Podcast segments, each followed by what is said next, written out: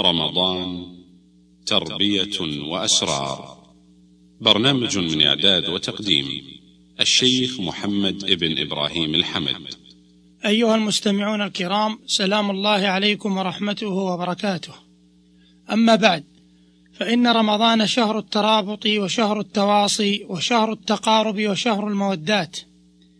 والحديث في هذه الحلقة إن شاء الله تعالى سيكون حول حق عظيم ألا وهو حق الجار. فلقد أوصى الإسلام بالجار وأعلى من قدره حيث قارن الله سبحانه وتعالى حق الجار بعبادته عز وجل.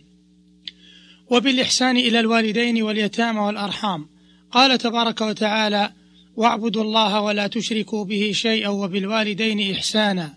وبذي القربى واليتامى والمساكين والجار ذي القربى والجار الجنب والصاحب بالجنب وابن السبيل.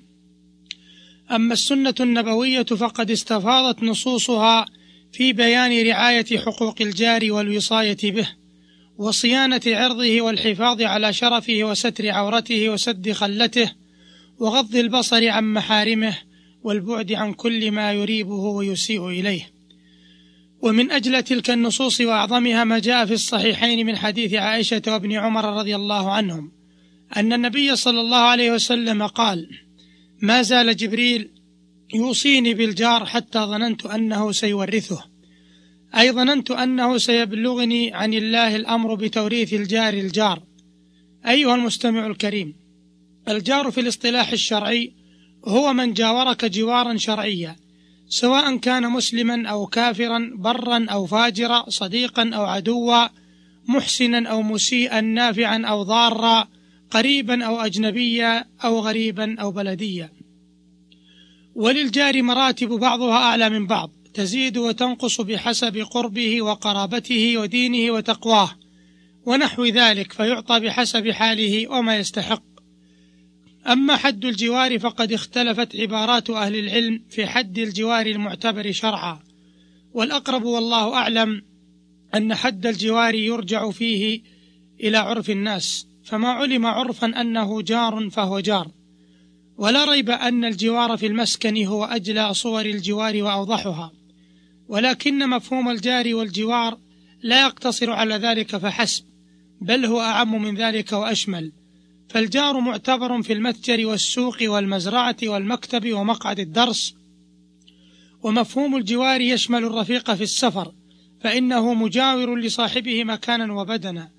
ويشمل الزوجة كذلك فهي تسمى جارة. وكذلك مفهوم الجوار يشمل الجوار بين المدن والدول والممالك فلكل منها حق على الآخر. أيها المستمعون الكرام حقوق الجار على وجه التفصيل كثيرة جدا أما أصولها فتكاد ترجع إلى أربعة حقوق. أولها كف الأذى فالأذى على كل أحد بغير حق محرم وأذية الجار أشد تحريما.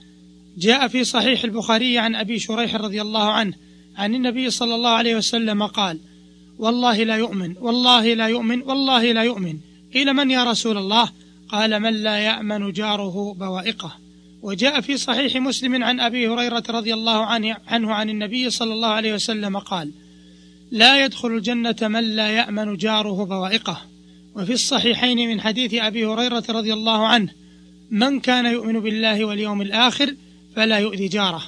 وفي مسند الإمام أحمد والأدب المفرد للبخاري وعند الحاكم وصححه ووافقه الذهبي عن أبي هريرة رضي الله عنه قال قيل يا رسول الله إن فلانة تصلي الليل وتصوم النهار وفي, لسان وفي لسانها شيء تؤذي جيرانها سليطة. قال لا خير فيها هي في النار.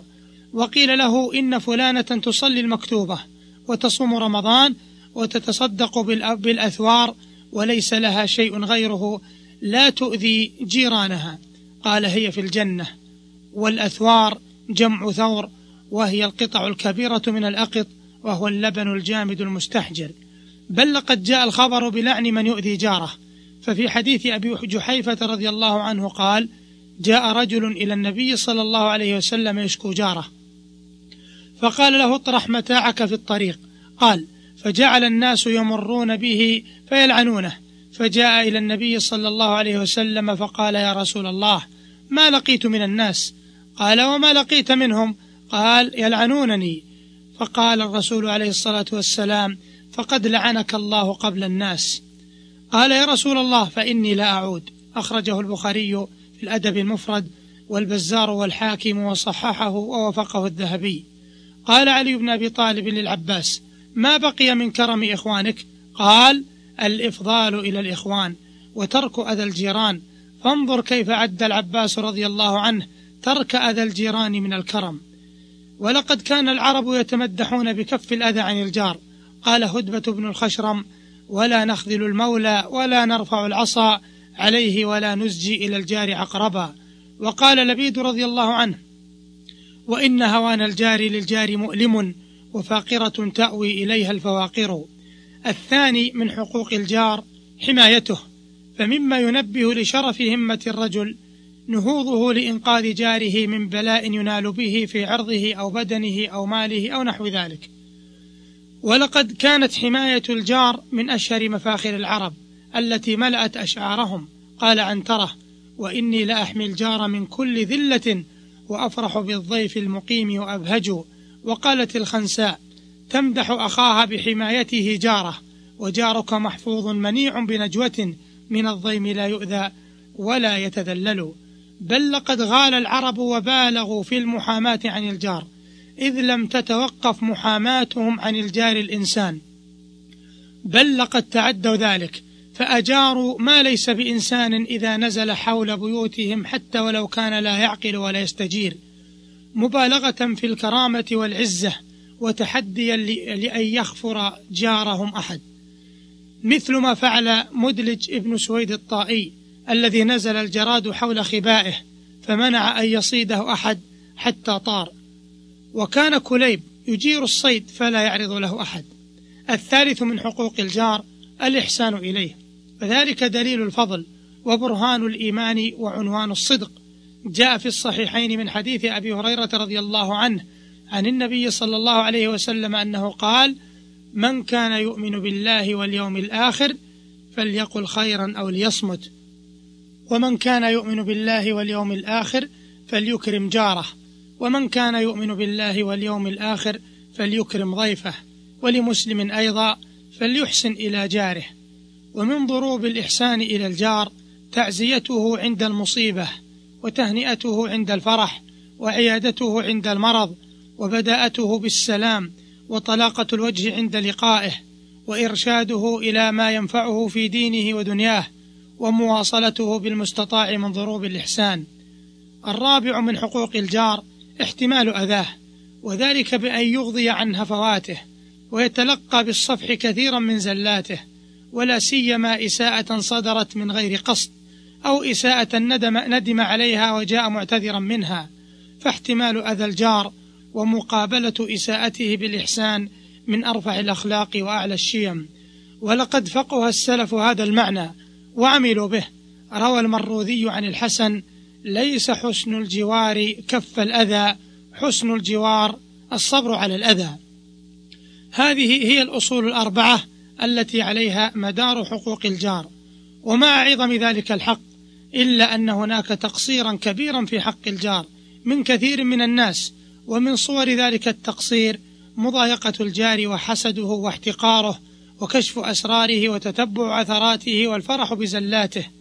ومن ذلك إيذاء الجار بالجلبة ورفع الأصوات وتأجير من لا يرغب الجيران في إسكانه. ومن صور التقصير في حق الجار خيانته والغدر به وقلة الإحسان إليه وترك النهوض, النهوض لحمايته وقلة الحرص على التعرف على الجيران وقلة التفقد لأحوالهم. ومن ذلك قلة التهادي بين الجيران والتكبر عن قبول هداياهم ومنعهم ما يحتاجون إليه من الأدوات اليسيرة. وقلة الاهتمام بإعادة المعار إلى الجيران. ومن صور التقصير في حق الجار ترك الإجابة لدعوة الجيران. وقلة المبالاة بدعوتهم إلى الولائم والمناسبات وقلة المناصحة لهم وقلة التعاون معهم على البر والتقوى. ومن ذلك كثرة الخصومة معهم والتهاجر والتدابر عند أدنى سبب وقلة الحرص على إصلاح ذات البين إذا فسدت بين الجيران. ومن صور التقصير في حق الجار ترك الإحسان إلى الجار الغريب وقلة العناية باختيار الجار الصالح. والتفريط به وقلة الوفاء للجيران بعد الرحيل عنهم. وخلاصة القول أن انتظام رابطة الجوار أكبر شاهد على رقي المجتمع وسمو آدابه والعكس بالعكس.